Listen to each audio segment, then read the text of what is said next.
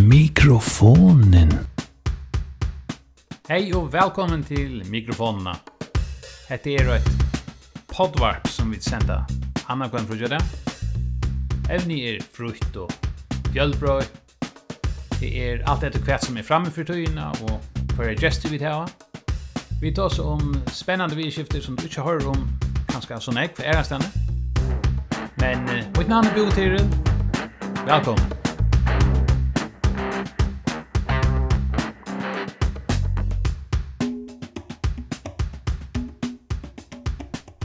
skonnarten Norrløse er sera vel omtøkt mittlen føringar og mittlen utlendingar som hava vidja førjar.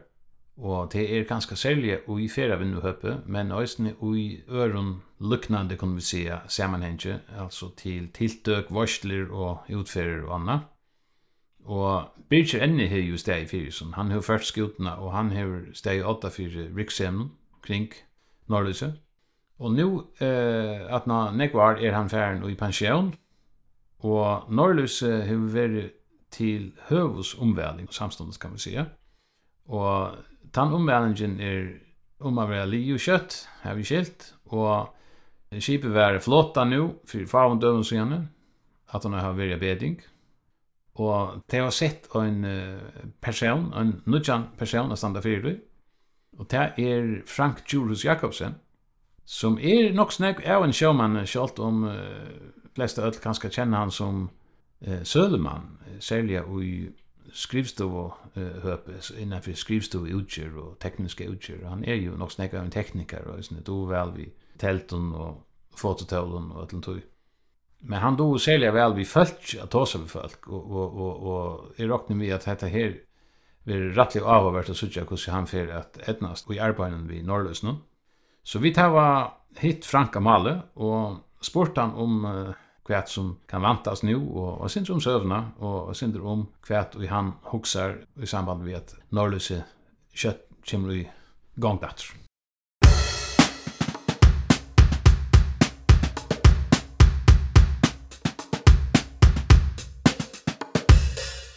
Ja.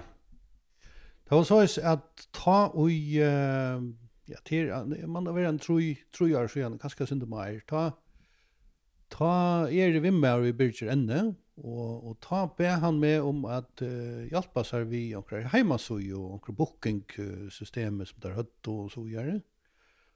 Og jeg har ikke gjør akkurat da, så, så jeg helt har vært stått til på oss. Så jeg begynte å fjæse vi etter her, og, og ble, kom rett til kjøtt i noe etter vi, vi um, driftene til Norrløs noen. Og, og alltså man man pjös sig man man ska lucka tracka foten och norrlyse så ver man har lyssnat för älskar allt så så te och batar och och föringar och allt det så så är är vär nog snäck upp ju så läs så hjälpte till vi vi ja ja vi har sälja och så rätt smavon och det här så vissar att ta ju så ta ju så uh, Bircher gavst så fekk jeg jo, ju i processen fick jag veta for å hente, och kjipet skulle sättas till stand och, og så vidare. Och så ber jag om att släppa vera lukka som i, i jag vill inte kalla det i Birgers sted, til att det är en otrolig stor kekkvar av fytla. Så det det man deila sunter och det er det jag görs. Så det som är mener, det är att jeg sår kjip som Norrlös visst ska rekast förrättningsmässigt. Ja og samstundes vera i gåen stande og kunna ting, så nøyes man av det at gjøre det fullt ut. Det vil si at man må heva en person som er, gamla der kallar man det utgjøre avren, den med avren som er landet og syrger fri kip korte. Og i hessen føren dreda så om marsnaføring om omboan og søl og av kip noen atla tøyene. Syrger fri at, at kip er så kjønnelig som det er oppe på å være. Mm -hmm. Og så må en person være sånn sjående eisen som rent teknisk stor at få oss til kjipet og kan halte det ved lykka. Så gjør det. Og den ideen er lukket som ideen at han det som vi gjør nå. At, at kjipet til verer, nå får det akkurat av kjekken noe idé til høvesomvalgt. Fantastisk, spennende. Ja. Og det som mangler nå til det er at en, en donalig med som heter Nikolai Falk og, og Kjolmar Dam, mm -hmm tar bare færa at gjøre skip livet innan. Mm. Det vil si at det er for å gjøre et, et uh, ordentligt ves og brus her framme. Mm -hmm. Det er for å gjøre uh, klarar atter. Og det er for å gjøre noen nødja gallo som, som, som er meira du gör höskant. Okej. Okay. Hade vi en rättligt omfattande lång och nu eh omvärling. Ja. Det är ju då. Vi hade faktiskt uh, sett ut i kors ja, vi skulle att atter, uh, altså avbedning atter av påsken og fjør. Mm -hmm. Og så kom og tar fram og ta for Nikolai Falk og tar i gang på en av veien vi gjør kotcher og tar med igjen uh, med igjen Godmundur uh, Sjurasson Norrbo som er kjøpstimbraren. Han får jo holdt vi kjølt kjip. Men det visste seg kjøtt at det bare ikke til så tar man arbeidet det tar funnet forskjellig uh, svamp og, så var det i noen. Mm -hmm. Og det blir til å legge diver såret. Legge nytt og diver såret som ikke gjør det. Så det ble avgjort at her skulle bare stekka inntil Godmund rei finnes uh, omvalgt de tingene i eisen. Ja. Så da vant det sin på seg, så alle ville være litt mer åla så gå. Men det var atter uh, funnet noen ting som man, man vurderer at, at altså, til det er vi, hvis man pjøsser på i alle tøyene, så vet man att så ska man att han har stått att bråta till en nutcha uppåt för jag släppa gera omvälvningarna lite. Så hellre än att att gera halva lösner så har gott mot att finna finns för från och till att gera tingen i ordligt. Ja. Och det har han sannolikt gjort. Ja, så det är en ordentlig omfattande omvälvning och och steg på ut år nästan och och, ja. och Och nu färdigt under den tan sidan parten eller den parten som är som kan göras med hon hon hon hon flöjter som man ser är sjön alltså. Ja, det är lugga som for att vi gör det lite alltså för att här skulle kunna kunne arbeta i fri så har det bare boja efter att Godmund var livor så tar hon varje halt vi så ut. Och och ja ja, jeg hukte kalendern nu där. Det är 355 dagar siden hon er i vatan senast. Oha. Så det är mer än ett år. Ja, ja. Så hon ordentligt med till behandling alltså. Ja. Ja, ja. Det är väldigt en, en, en, en, man kallar en hövsomvälling. Det här säger att skipet är det här är inte en upp, upplevelse. Alltså så tycker jag brödningarna var kvärt. kvätt. Det var öjla hon allt år. Men, men kvärt är det som, som man lägger mest till främst till uh, huxa du och stammar kommer månaden.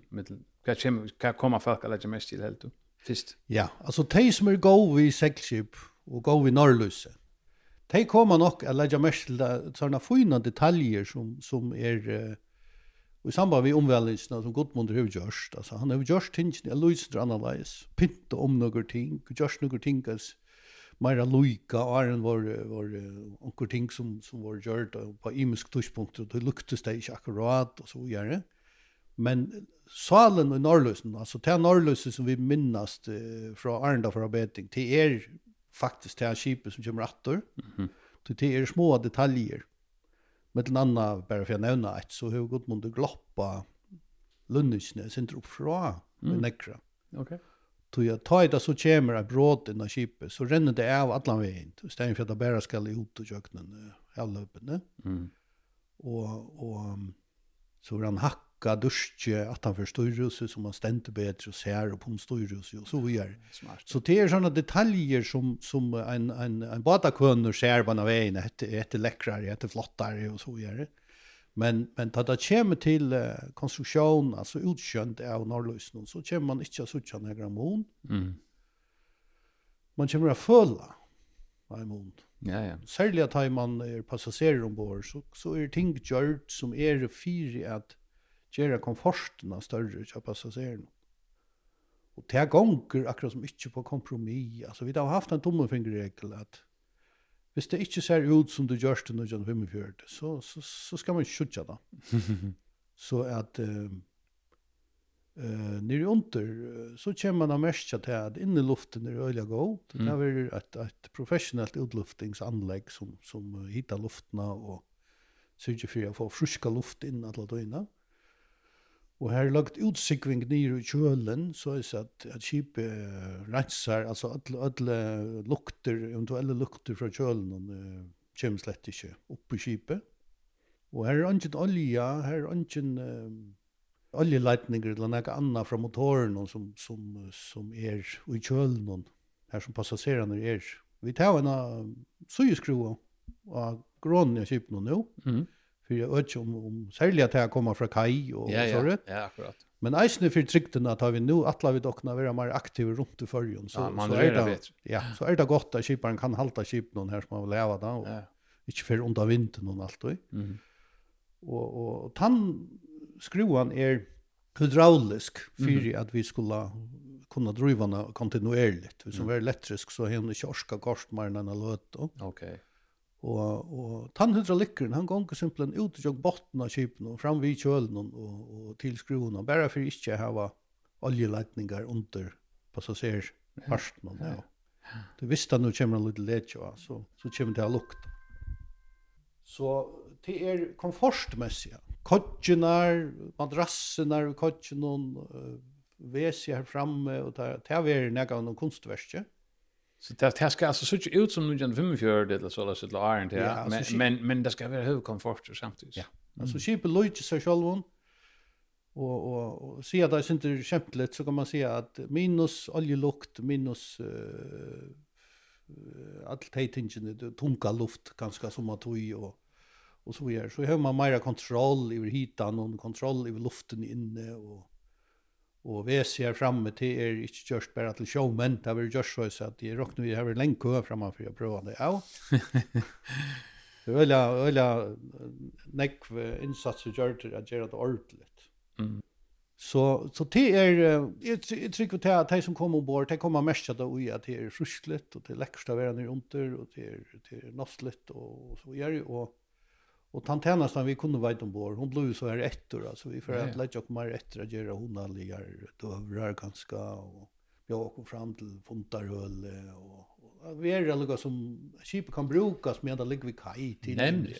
Det blir mer alls inte det var större möjlighet att skip någon av era altså alltså chatikon som har skip av jag det fram i i i koncernen upp alltså konferenser och sånt Ta Ja. da. var det. Okej. Vi vi er jo akkurat som privilegierade vi at at allt som vi gör här kan man lägga en faktor av träd som heter at vi kunde färra till stroks. Mm.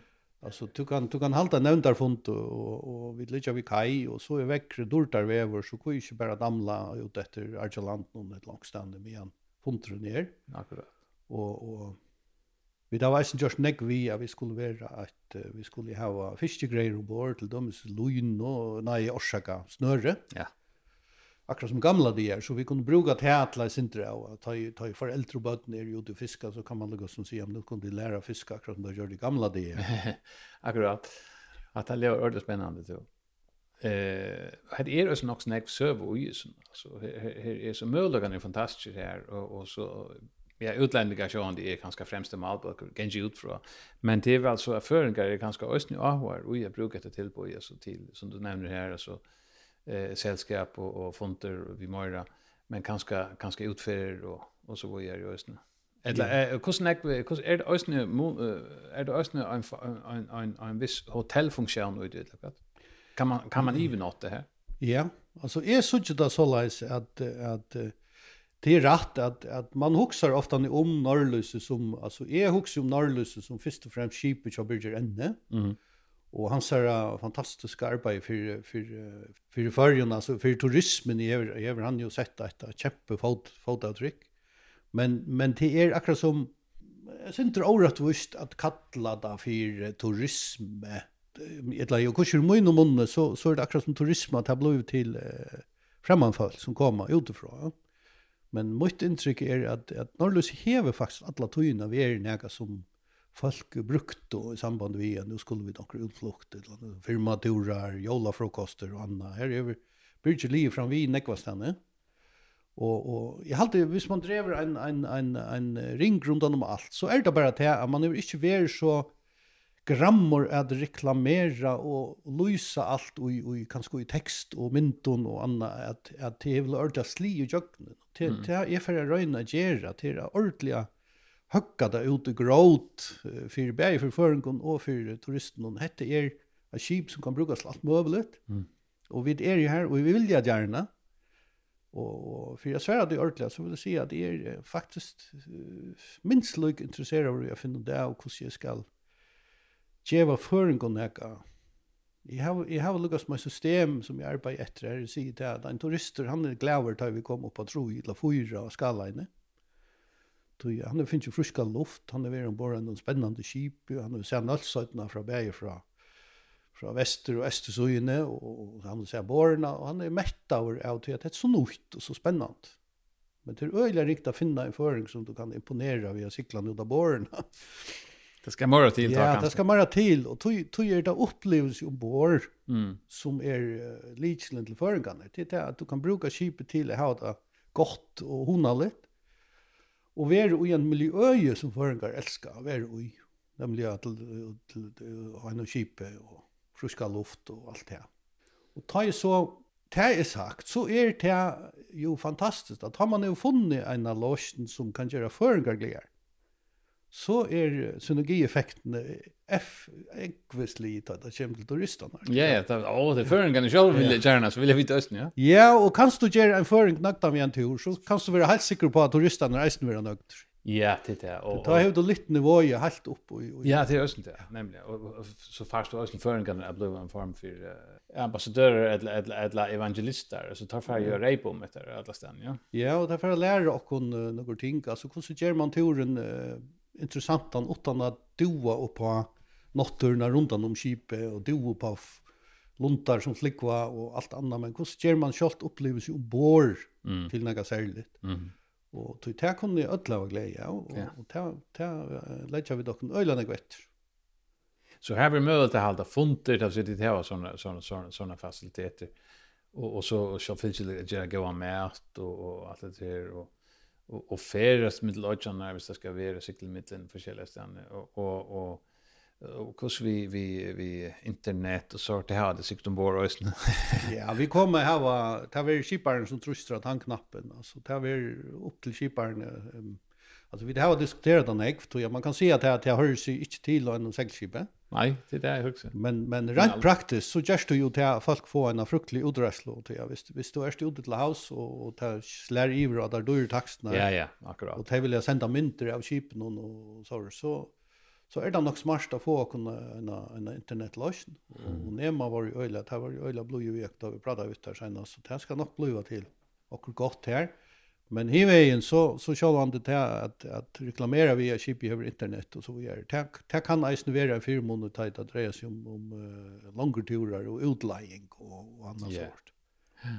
Och vi tar eisen ho att att uh, fyra gånger på vi kommer att göra mer via ströma från turen och göra ting men stadigvæk vi respekt för dem som är ombord att de skulle ju inte vara statister och Nej nej, det är det. Det det drejer sig om. Det drejer sig om gesterna. Ja. Och jag säger gester och inte passagerare till att Birger har hon kan haft passagerare.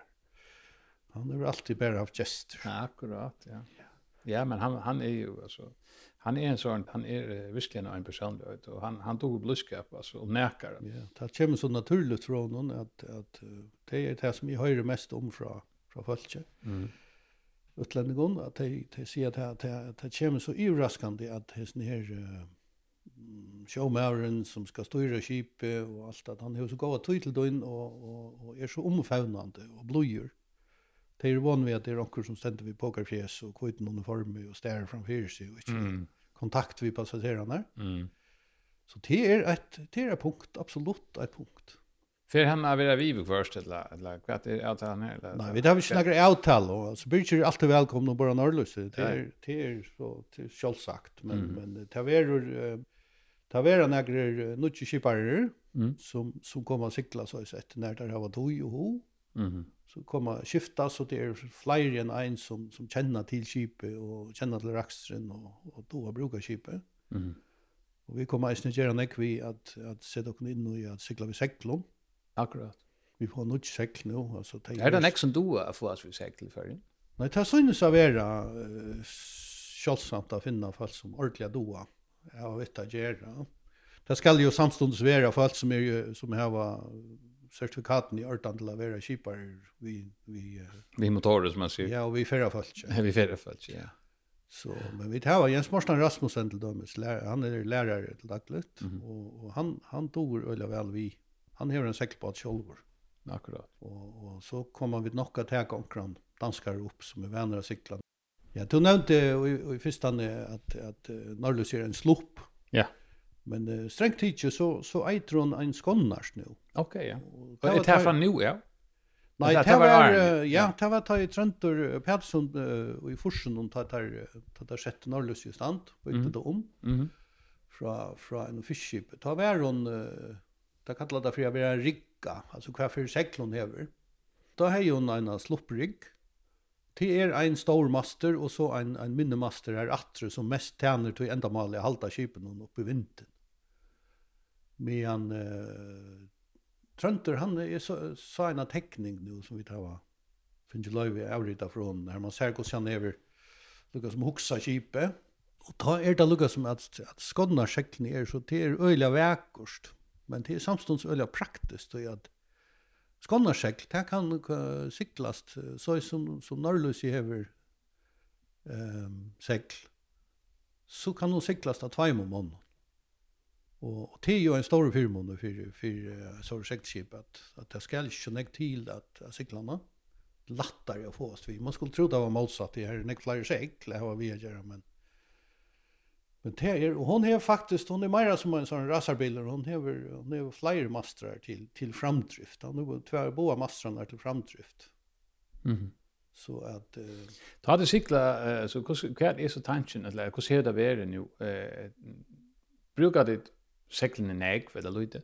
Ja, så Birger dotte jo vel at sikla ved seklen, så han brukte seklene da han er i bruk for dem, eller at han helt at de, de gjør den grammon, eller nedgra nytt, og, og det er så absolutt, og, vi lukka som sett ut i korset til åkna, kunne vi køre seklene opp, så skulle de opp, tog at det er eisne øyla vekkert av suttja kipet, og, og, og så er det eisne, jeg vil si at jeg får gasarhold hver affær, eh man man prövar det att cykla vid en skip som som blev drivet fram av vinden Ja, det är en annan känsla så det är ju helt speciellt alltså. Det är, det är helt särskilt alltså. Det är en särlig förnemmelse hur för mig. Mm.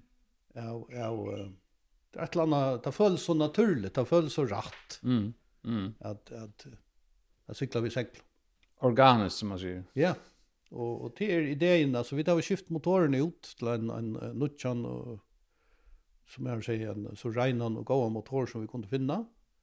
Och men det är inte att landa cykla med motoren och för som som så for det. Alltså det er en av de första grunderna til at vi vi snackar om att skifte motor. Det är inte at vi skulle ha en 100% pålitlig motor så så vi kunne slatcha han. Og vite att här vi kunde starta natter. Akkurat. Så så tror er det är viktigt att det er en tipptopp motor och ut vi skulle vi skulle mer og mer till till at vi slatcha motoren och bruka cykeln Uh, vi har eisen gjørst øyla nek på sjur at kipen ut at det kommer atter, så vi snakkar vi om brøytingar, men her er ein brøyting, og det er at jeg har ikke sett sånn ekval ljødøyvar og, og forbedringar mot løyvi, altså det er at jeg, jeg spekulerer på om man fyrir høyre høyre at det kipen er gongt. Mm -hmm. Det er at her er gjørst nek på sjur tog. Okay. Jeg ser ikke fyrir at utstøs røyker og larmor og alt det her, det er minimera. Mm -hmm som inte hör maskinerna och sånt. Ja. Vi sånner på, vi sånner och alltså. Man kommer nok høyre lite ja, ja. blod. Men det gör inte man hör det trä geva sig sen så. Nej nej. Det är ju bara hun allt. Ja. Men fantastiskt. Kvärt men åt att säga vi norrlösen. Här man vara nog så länge historiker alltså och kan se sen inte fra här vad är det som har hänt där alltså först var det fiskeskip. Kvar kvar kom det fra och brunnliga. Ja, alltså upprunaliga blev det byggt eh alltså i 1934 ble kjøleren strekt. blev. Okej. Och eh det var nok stolt av life Lådal, han fann det tog at uh, at trönter er føtter i förfjord. Så han har ju kämpat vi att kjøleren til trönta var isen. Samstundes. Samstundes. Ja ja. En en tab blev sheep ju byggt av Liot 15 maj 1945. Det vil si at han där da krutcha enda i. da fikk okay. med da første eieren i skipet. Ja. Så at han lukkast ikke være vid til de här aktiviteterna så var det under grunnen som jo gav och nekva gav pengar. Ja, men det var fiske. Ja, men det var gå symbolik att komma och och och liksom nu krutcha var i vår nu. Ja, nu är friar då. Ja, akkurat. Så ta fikk han skip og det blev så fiskeskip og, og, og, og hever haft imiskar eier i kan tog fram til... Vad var det första eieren var det i färjan? Ja, ja, det er alltid vært føringer. Det har byggt til føringer, altså. Ja, ja, det har byggt av Kjerstan Mår. Ja, ja. ja. Så det er skip nummer 2 som er byggt i føringer. Ja. Og, og vi er ensamme alle etter nå. Ja, ja, lukka mye, men, men det søver litt, særlig for føringer. Ja. Og så skipet var byggt, uh, byrja, det byrja jeg da i 34, og det var livet i 45, altså 15. mai, 1945, samme dag som Krutja enda i. Hmm. Ta ble skipet avleveret til, til første eieren. Mhm. Mm Og så var det fiskeskip, og, og her var sånn, det imiske eier, det var i Kotlafyrre, det var i Klaksvøk, og, og vent, det var hit KG på et tidspunkt. 346 minnes er rett. Og ta i så um, skipet vi hei tant, vel og virlige, og vi hadde god nudge, tredje vi var. Mm -hmm. Ta var det så at Trøntor uh, Pettersson kom fram og atta her, til tala her, og under skreiva pakkelse. Okej. Okay. Og tar leita etter en kipet og alle fer ut i verden og sykla vi. Og han tjekk av eieren og spurte om han ikke kunne slippe kjøpa kipet fra han. Og nei, han var så trekker. Han helt at han hei bare at her geng og putla vi og så gjør så, så godt der. Ikke, nei, nei, jeg skal hukse om det. Og du vet, du kjenner Og Trønter, han, han rønte jeg litt fram vi. Og... Men så tar jeg med avren og, og Jeg graderer at han har, nå kommer sonen ved en konflotte og sier at Pappa sier til at du skulle eie skipet hvis du betalte for han og alt. Mm. Og til gjør det han som kjønner feien. Og så startet jeg til eventyr har sett han i stand, som var vært fra, fra Trujefors til, til Nudjefors. Ok. Og jeg var en nekve gode menn, altså listen han teler faktisk atler forretningsmenn og håndverskere nesten i havnene. Ja, ja. Som har hjulpet til og på forskjellige måter, enten fysisk eller vi penken. Eh, ja, så så i, i um, nødjan og nødjan for så er skipet så liot, mm -hmm. og Og ta i så alt er lukka som kom på plass. Her var jo fucking og her var det parsta brøv og parsta fella, og så gjør det. Så enda da vi at, at kjipet fer i turistvinno, og tar køyra så fram til i fjør, mm kan man säga ta, ver, ta i byrkjøkavs, la dem se det så løs. Yeah. Ta, Det har hevet av kost kontinuerligt. Vi, vi bygger som kipare og, og, og, og vi som konsepten hon her som, som bygger över haft. Mm. Men nu har så eierne valgt at nu skulle skipet settes i, i standarter, og, og nu skifter vi det lysende gir. Mm. Bygger er, er um, driven, og, og så setter vi lukka som en den her planen og i versk, for lukka som har bygget vujere på det som bygger utgjørst. Mm. Og det er hese tru beinene som absolutt ikkje må ikkje må færa for seg. Akkurat. Og det er uh, først og fremst uh, det som går sjåmannskapere. Mm -hmm. At folk føler seg trygg. Mm. Og, uh, det blir skilt forsvarlige og godt. Og så er det en sånn her særlig maten å være blodgjør på. Man er blodgjør på den føreska maten. Akkurat. Hva vil det si? Ja Ja, alltså är uh, några amerikaner som jag ska tossa vi nu här har vi lyckats lagt upp till. Jag har sagt här att de kunde inte förvänta kvitar uniformer och drinks vid sukra kanten. Men uh, vilja det ha drinks vid sukra kanten så ber det till, men kvitar uniformer är utlockar. Det lyckas med här gränsan gånger. Att mm. Vi vilja gärna vara blöjor, vi vilja gärna göra folk glada. Men ta verer på akkurat maten. Det var mm. på den måten at, at som Birgit gjør det da, vi, vi, vi, vi ring for kjipe, og vi, vi, vi ring for seg selv. No? Han har jo nekka kjente retter han gjør det, ikke minst den der fiskesupan, hun kan skal få fortsette. Ja, vi færre hava noen fiskasupan, og vi færre hava imisk kjelja jord og, og, og alt godt fra havet, det er sagt. Men... Uh, på samma måta så så han tar man leia skippe så så kan man inte bli tvangsforover vi vi nøkron, så tar det kunden som bestämmer. Ja. Men tar vi inte några själv så blir det chockat. Mm. Ja, men fantastiskt. Det var väldigt spännande. Man inser det kan gå ett novisen här Brixemnon och Norrlösen. Tack för det. Så att och, och när sidor det räknar vi att komma igång. Ja, vet nu ska det ju inte stressa Nikolaj och och Tjolmar, men vi har vi har sett en, en fastande här, det er 1. april. Då skulle vi uh, komma åter under Bridgebakka her som vi har litt. Akkurat. Ja, ja. Hur snägg var tur det så, så gör på en säsong kvar och vi? Ja, det er ilt att si at vi vill ha, alltså det som, det programmet som bygger över silt fast. Mm -hmm. Det er några turer som börjar uh, i juni. Mm -hmm. Och ta er det eh, så här konsertturarna, grottoturarna till två om veckorna. Oh, ja. Och, och så är det som turen eh, est, Estronalsöjtna. Mm. Han är öjla populär. Han är så eisen vid tvär från veckorna. Mm. Så det var kvar såna såna såna schema schemalagda turer östen. Ja, nu nu är skrejen så och så det bridger har your eisen silt vi förra fallet förskon utländska förra fallet som har leja skipet till sälja turer så som som Så det er samma prinsipp till oss nu. Vi har lagt det så att torsdag, mygda och hösta. Ta röjna vi det här var fasta turer. Så så vi det är et pålitligt, eh, vad ska man säga, underhalt nere i Vaxbottne. Mm.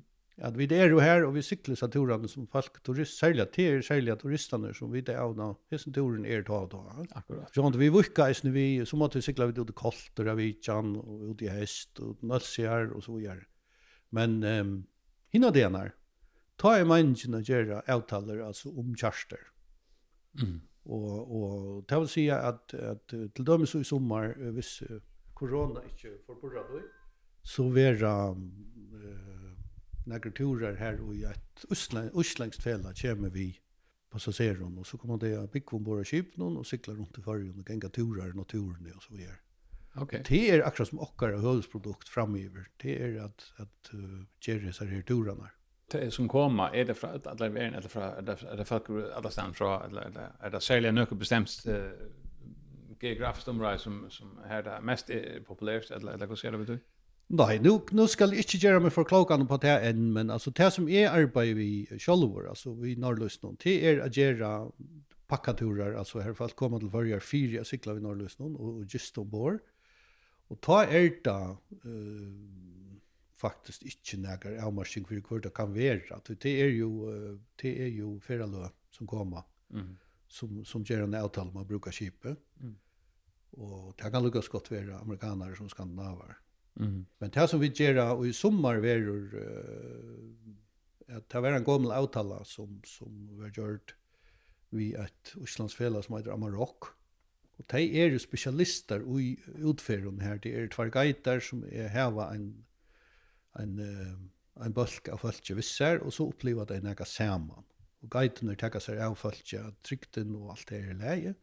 Men så ganger de i naturen og opplever ting i naturen. Og til øyla, det kallar det for off the beaten track. Okay. De damer ikke bussar, det damer ikke hotellværelser. Nei, Ska skal helst, ja, ja. Og de, de vil gjerne sove bare en arbeidsløsning, men annars så vanligvis så det ofta i tälton och så vart för att för att det ska vara naturupplevelser. Mm.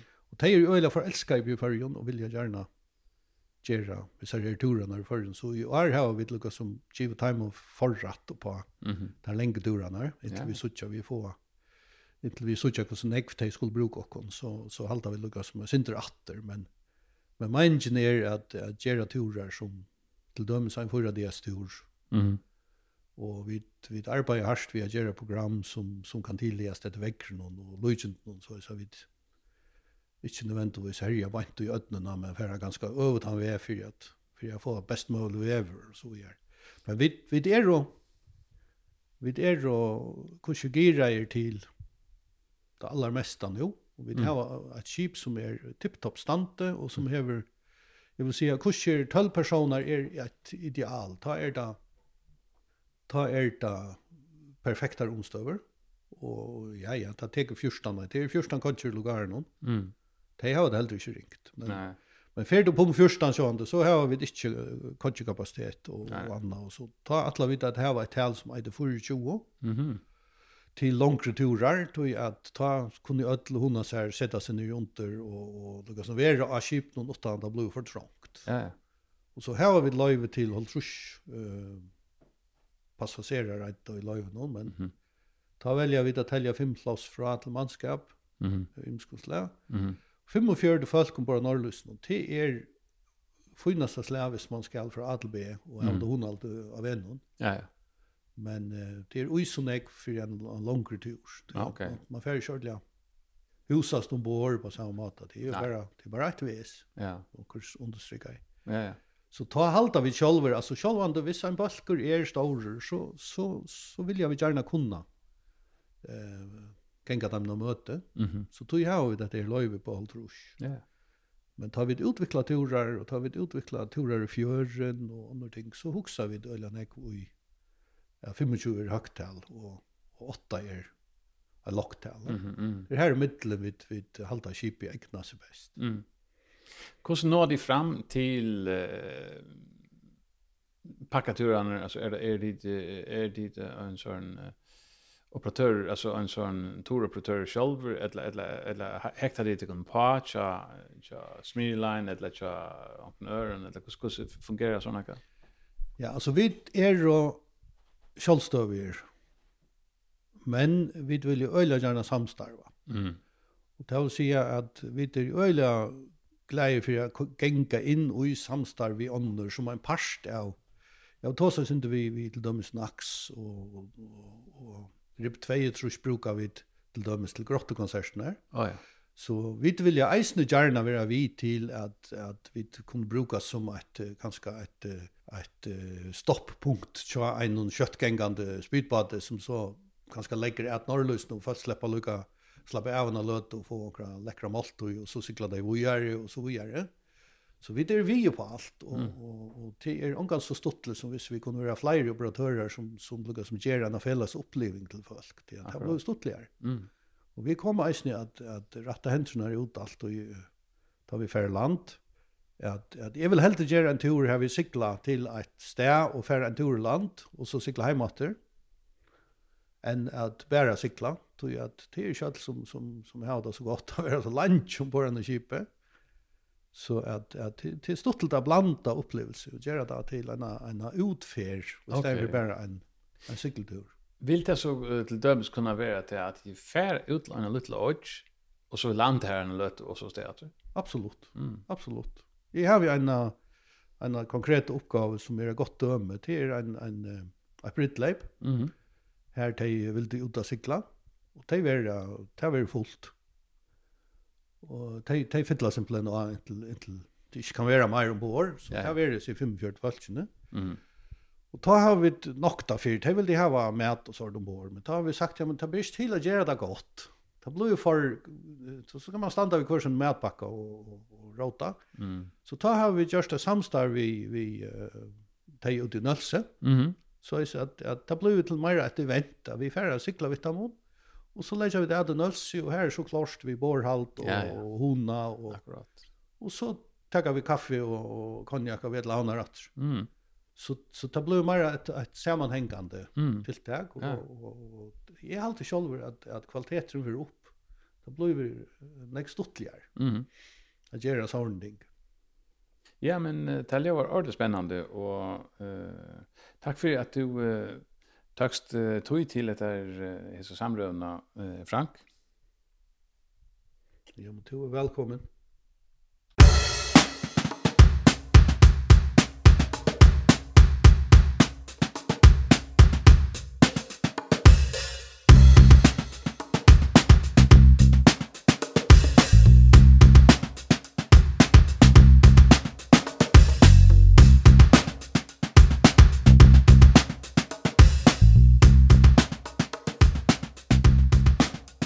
hetta var så tær vi hattu og i mikrofonen av hesson sinne. Vånande finket dit negbosjur. Takk for at dit lufta Vi veratter om 14.